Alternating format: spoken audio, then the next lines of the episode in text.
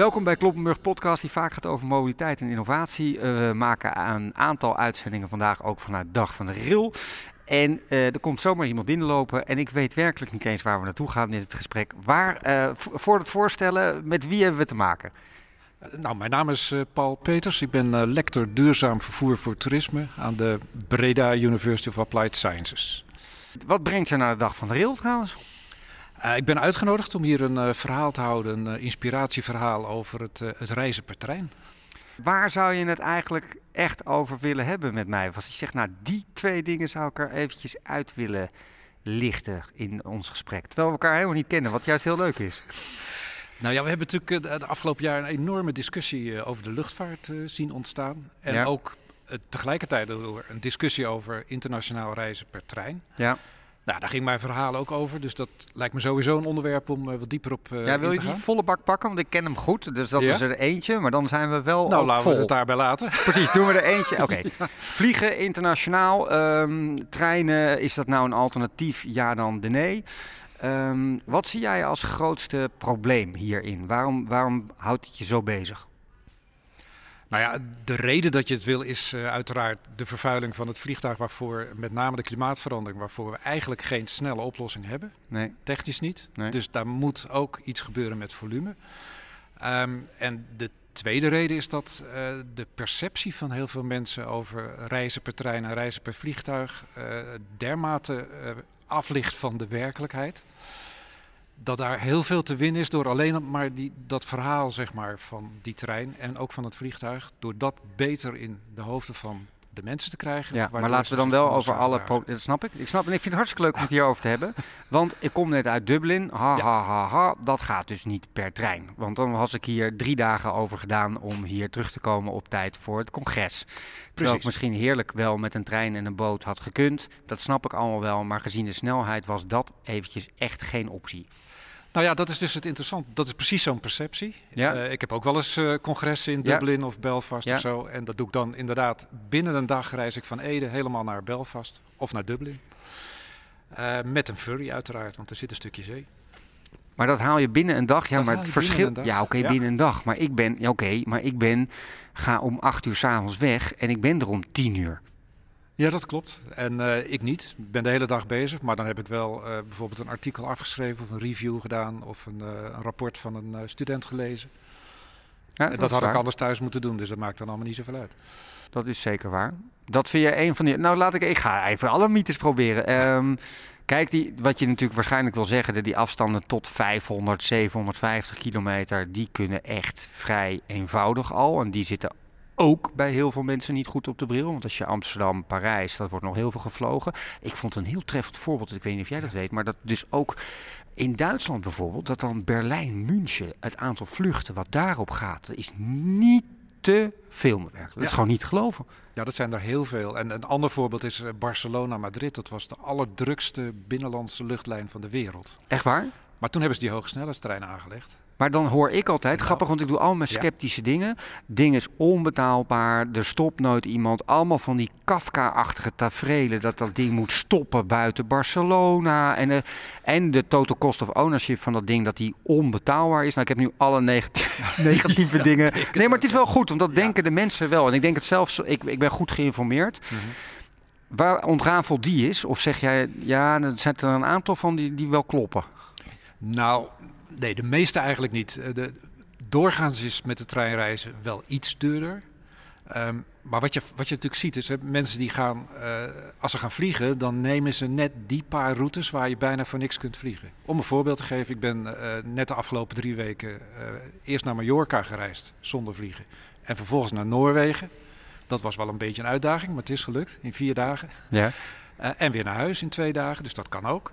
En een collega van me is gaan vliegen en die was toch twee keer zoveel kwijt voor zijn ticket naar Noorwegen als ik voor, eh, voor het stukje van helemaal naar Mallorca. Ja, oké, maar we hebben het over verschillende. Daar moeten we het even uit elkaar halen. We hebben het over verschillende prijzen. Ik had het eigenlijk niet over de. Ik vond Barcelona-Madrid een mooi voorbeeld. Want ik kwam Mhm. met de Berlijn-München, maar die andere vind ik nog beter. Want daar ligt ook een relatief goed alternatief. Ja, prima. Maar mijn punt was dat. Stel dat de prijs voor die tickets, voor trein en dingen even duur is of even goedkoop. Die Ja. vlakken we eens even uit. Ja. De reistijd dan Barcelona-Madrid, trein Barcelona-Madrid, Ehm, vliegtuig. Treinen sneller. Oké, en mijn punt ging eigenlijk over, ja, maar om dat in stand te houden, die Mhm. trein qua kosten en exploitatie met die infrastructuur, dat is niet te doen. Dat was eigenlijk mijn punt. Ja, dat, dat, kan ik, dat is ook inderdaad een verhaal. Zo bedoelde Ehm, ik hem eigenlijk. En die, dat wordt soms ondersteund, hè, ook zelfs vanuit de wetenschap. Eh, maar dan, dan worden daar voorbeelden genoemd van een lijn die op de een of andere manier niet werkt. Hè, dus als jij een hele dure lijn aanlegt, je gaat er twee of drie keer per dag op rijden. Je zou bijvoorbeeld in Noorwegen zo'n hoogsnelheidslijn... Ja. dat wordt een probleem. Maar deze Barcelona, we houden even bij deze Barcelona. is regelen. ontzettend druk, die Ja? hebben ze eruit. Dat weet ik zeker. Hoe vaak gaat die per uur? Dat weet ik. Ik weet het. wel ja, leuk, die, gaat minstens twee keer per uur. Oké. Dus het is een beetje hetzelfde als Amsterdam, Parijs is natuurlijk ook Ja, rendabel. Parijs, Londen, dat is, eh, dat is ook eh, soms elk kwartier zelfs. En zeker als je dan stukken van Ja. die lijn neemt, hè, waar, eh, waar dingen Nou samen ja, wat, ik ga nog wel even, want ik ga wel met je mee hoor natuurlijk. Want het, maar het probleem, als je ziet, van ik vind dat het vliegtuig wordt helemaal niet duidelijk genoeg in ook nationale meerjaren capaciteitsanalyses. Men snapt helemaal niet dat het vliegtuig de nieuwe bus is. Zoals wij vroeger Mhm. naar Joretta Mar toe gingen als we een eindexamen hadden gehad, gaat nu gewoon iedereen vliegen. Als je ziet wat er afgevlogen wordt, omdat mensen bij wijze van spreken hun handdoek vergeten zijn op Nice.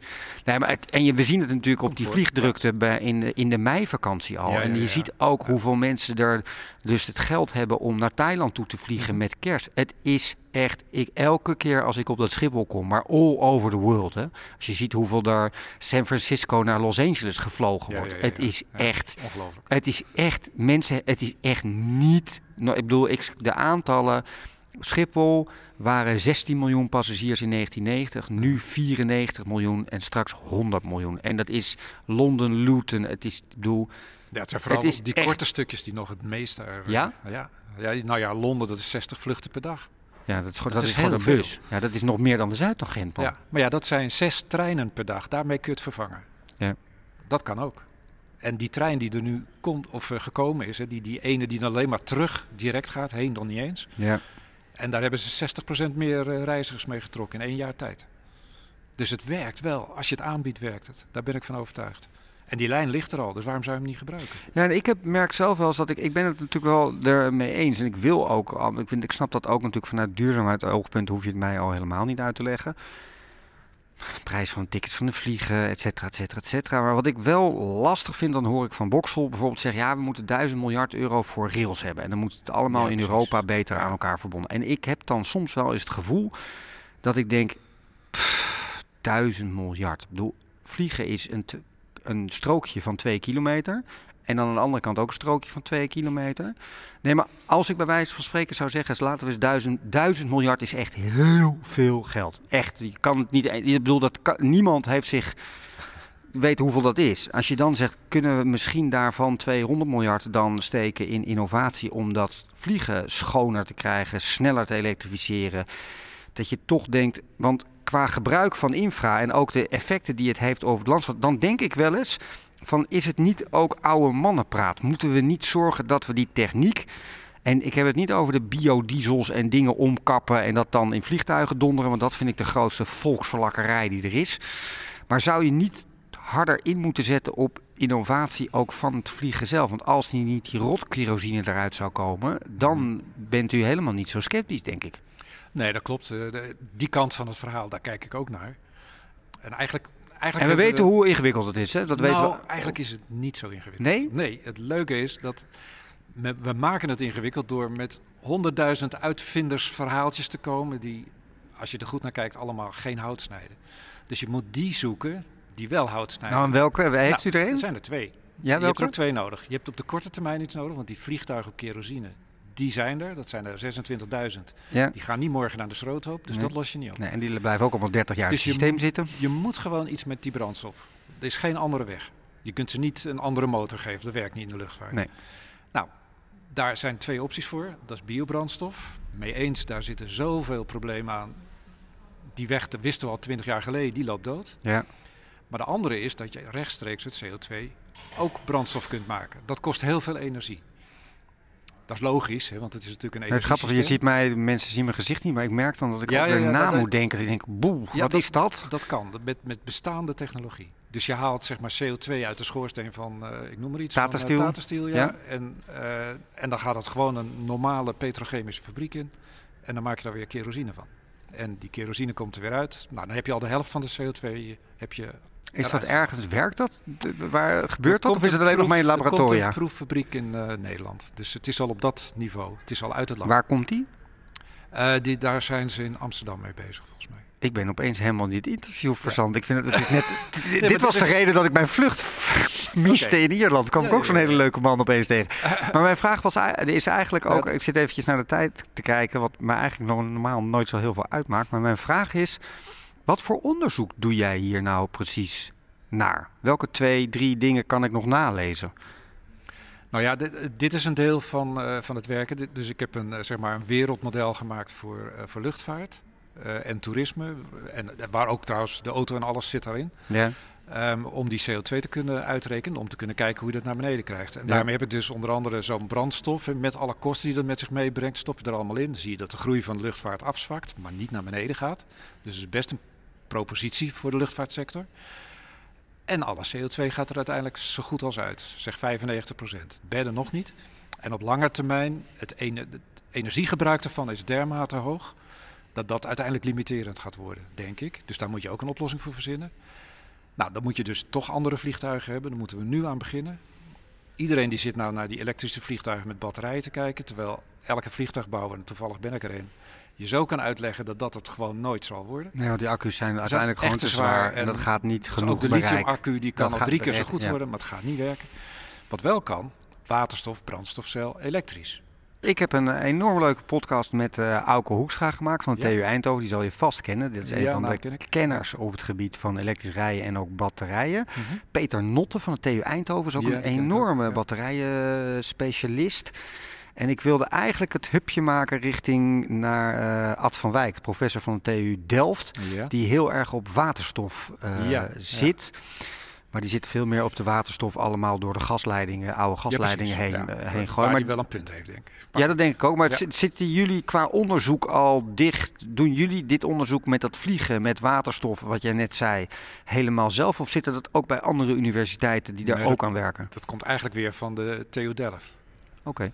Uh, en dan met name uit studentenprojecten. Maar op de een of andere reden is er geen officieel geld voor.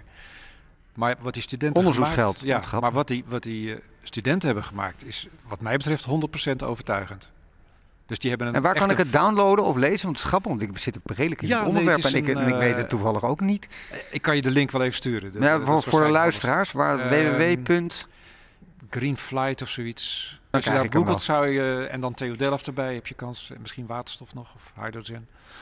Interessant. Ja, en nou ja, dat, dat heb ik dus ook in het model gestopt. Van stel nu dat dat er uh, gaat komen, dan komt het er eerst voor de wat kortere afstanden, is het makkelijkst. En dan uiteindelijk voor de lange. En, nou is ja, dat model dus, open source trouwens? Ja hoor, dat kun je ook downloaden. Oké. Okay. Ja, ja. Ja, dan zie je dus, want ik zat er weer doorheen te ja, kijken. Dan, uh, dus dan zie je dat uiteindelijk dat het lang duurt voordat je dan die emissies naar beneden krijgt. Want je moet natuurlijk die hele vloot gaan vervangen. En je moet het eerst ontwikkelen. Ja. Dat kost al 20 jaar voor de korte en 40 jaar voor de lange afstanden. Maar aan het eind van de eeuw zit je dan al bijna op nul. Ik bedoel, er is geen enkele andere propositie, geen enkel ander voorstel van biobrandstof of uh, hybride vliegtuigen die dat überhaupt dat beeld kan uh, opleveren. En als je het dan combineert met die andere brandstof, dan gaat het lijntje natuurlijk al veel eerder naar beneden. En dat is volgens mij de route die we gewoon. Ja, we moeten af van al, dat, al die uitvindingen die, die het niet gaan worden. Even focus, dames en heren.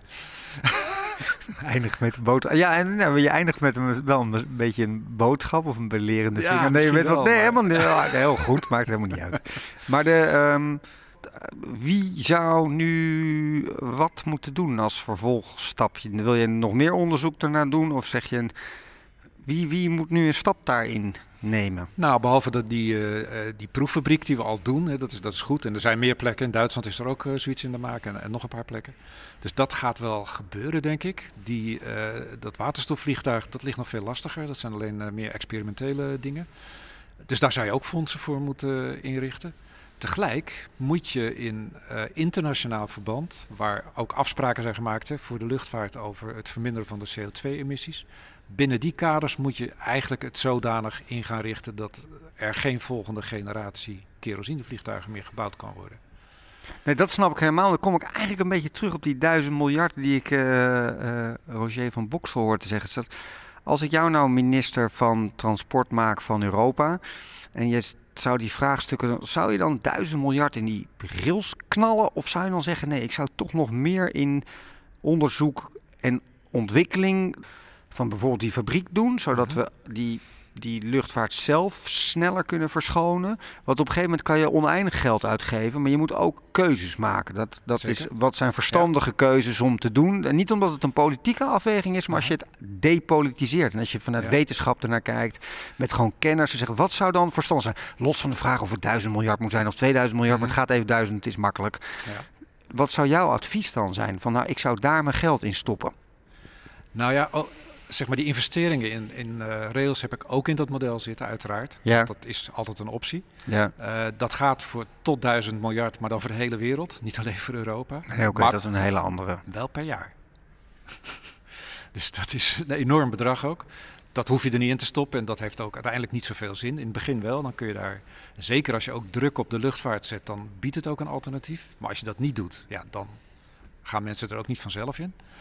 Dus dat moet je een beetje afwegen. Maar je moet zeker ook gaan uh, investeren. Nou, ik denk eigenlijk dat niet de overheid die nieuwe vliegtuigen moet ontwikkelen. Dat kan die industrie helemaal zelf. Nee, dat snap Want dat kunnen ze gewoon uit de markt terughalen. En dat is juist bij infrastructuur veel lastiger. Ja, dat snap ik helemaal. Maar wat, wat, je hebt gezien in Nee, dat snap ik. Maar dan betekent dat eigenlijk wat ze bij de, bij de auto's ook gedaan is. Dat het gewoon het aandraaien van de knoppen is. Van de CO2-knop. Is gewoon steeds euro norm 3, 4, 5, 6, 7, 8. Die is twee jaar geleden ontwikkeld voor vliegtuigen. Maar ja, nu pas? Ja, nu pas, ja. Dat voorzien je toch ook En die gaat pas in Terwijl 20, vrachtauto's en auto's... gaat die pas in. Echt waar? Ik was er zelf bij betrokken bij die ontwikkeling, uh, vijf jaar lang. En dat is, natuurlijk genoeg. Die gaat niet veroorzaken dat we nee, geen nee, nee, nee, dat gaat dus allemaal. Dat... Maar die kun je wel gebruiken. En daar zit een grote lobby zit daarachter van ja. Boeing en van uh, Airbus van de Fransen. En dat is, is natuurlijk allemaal als een kind ja. kan de was doen. Dat en is... ik denk ook wel. Grappig dat je die parallellen eigenlijk met die grote ja, industrieën zie, zie je natuurlijk heel erg terug. En je kunt je ook afvragen van waarom zit de industrie nou zo op de biobrandstoffen en de batterij? Terwijl ze zelf ook wel snappen dat dat niet de snelste weg is naar uh, decarboniseren. Nou, waarom denk jij? Uh, ja, een hele goede vraag. Dat, dat, nee, ik zit niet goed. Nee, ik weet even, jammer dat ik. Nee, ik weet het nee? niet, moet ik eerlijk toegeven. Waarom? Nou ja, je, hebt, je hebt zwaar geïnvesteerd in ja, de huidige tuurlijk. techniek. In de huidige assets, in de huidige aandrijflijnen. Ja, die politici God, van je lijf. Ja, tuurlijk, dat had ik ook natuurlijk zelf kunnen bedenken. Aandrijflijnen, assets, afschrijven. Ja, precies. En dan donder je er net iets anders in en dan kan je nog een tijdje lang door. Dan kun je nog even door, want dan is de discussie even dood. Ja, en terwijl als je naar de Tesla's kijkt, als je op een andere manier het vliegtuig lichter, anders, anders vormgeven, dan zit je met je aandrijflijnen en aandrijflijn van een auto. Ja. Lijn is sourceerd van 1 miljard. Nou, dat zal bij een vliegveld, vliegtuig vele malen meer zijn. 10 keer minstens. Ja. En die vliegtuigen, één Boeing, blijft hoe lang in de lucht zitten? Zeg 30 jaar of 50 jaar? 30 jaar? Tot 40, soms wel 50 jaar. En hoeveel kilometers draaien ze dan? Oh, dat hangt een beetje van het soort af. Maar... Nee, maar het gaat erom van uh, hoeveel eigenlijk dus je CO2 je dan de, dan de lucht in knalt. Oh, dat, dat, is, dat is enorm. Nee, maar die, die rekensommen maakt ook Hoekstra ontzettend goed. Die zegt, als we nu dus één dieselauto of benzineauto in het systeem duwen, gaat die gewoon 250.000 kilometer rijden. Dat is ook het probleem. Dat is natuurlijk het hele model van Shell. Dus... Shell kan ontzettend goed op de lange termijn. Die denkt gewoon, joh, één auto verkocht, mhm. betekent voor mij 25 jaar benzine verkopen. Klopt. En dat ding, als hij eenmaal in het systeem zit, dan krijg je de Hollandse... en iedereen, nee, nee, want iedereen zegt, ja, ik heb het nou toch gekocht. Weet je wel, dat, nee, ja, is met die vliegtuigen nog veel erger. Ja. Dus de komende 30 jaar CO2 eh, voorspellen is niet zo moeilijk. Want je weet hoe die vloot eruit ziet en wat er besteld is. En wat de vervangingsgraad is. Ja, maar dat weten we ook. Dat, uh, de groei die weten we. Dus dat is, uh, dat was maar moeten we nou weer depressief worden? Of valt het... Of... Nee, juist niet. Ik vind je daar optimistisch die, over. We hebben die brandstof. We hebben uh, in ieder geval technologie om het uiteindelijk aan het eind van de eeuw echt naar nul te krijgen. We moeten het alleen gaan doen. En daar zit alleen... Ja, belangen zitten daarin. Ja, nee, dat is Belangen tegenstelling. Dat is natuurlijk altijd zo. Ja. Nou ja, en in de tussentijd kunnen we als, als mensen kunnen we ook gewoon gebruik maken van de treinen die er al zijn. Daar hebben we geen duizend uh, miljard van nodig. Nee, dat is helemaal goed. Uh, dat kan. Hey, voor nu uh, ontzettend veel dank dat we elkaar ja. zomaar. Ik ben helemaal, ik zit er weer middenin. Ik, ik moest even motiveren voor het laatste stukje, maar nou, dat heb je eigenlijk helemaal uh, gedaan. Dank voor je tijd. Graag gedaan. En uh, voor iedereen, luisteraars, dit, deze podcast is terug te luisteren via de gebruikelijke kanalen. u kunt natuurlijk een rating achterlaten. We zullen het waarschijnlijk via, dat weet ik nog niet helemaal zeker, iTunes, Spotify, mijn website en misschien ook op de website van de Dag van de Rail. Dank voor het luisteren en graag tot een volgende keer. Thank you.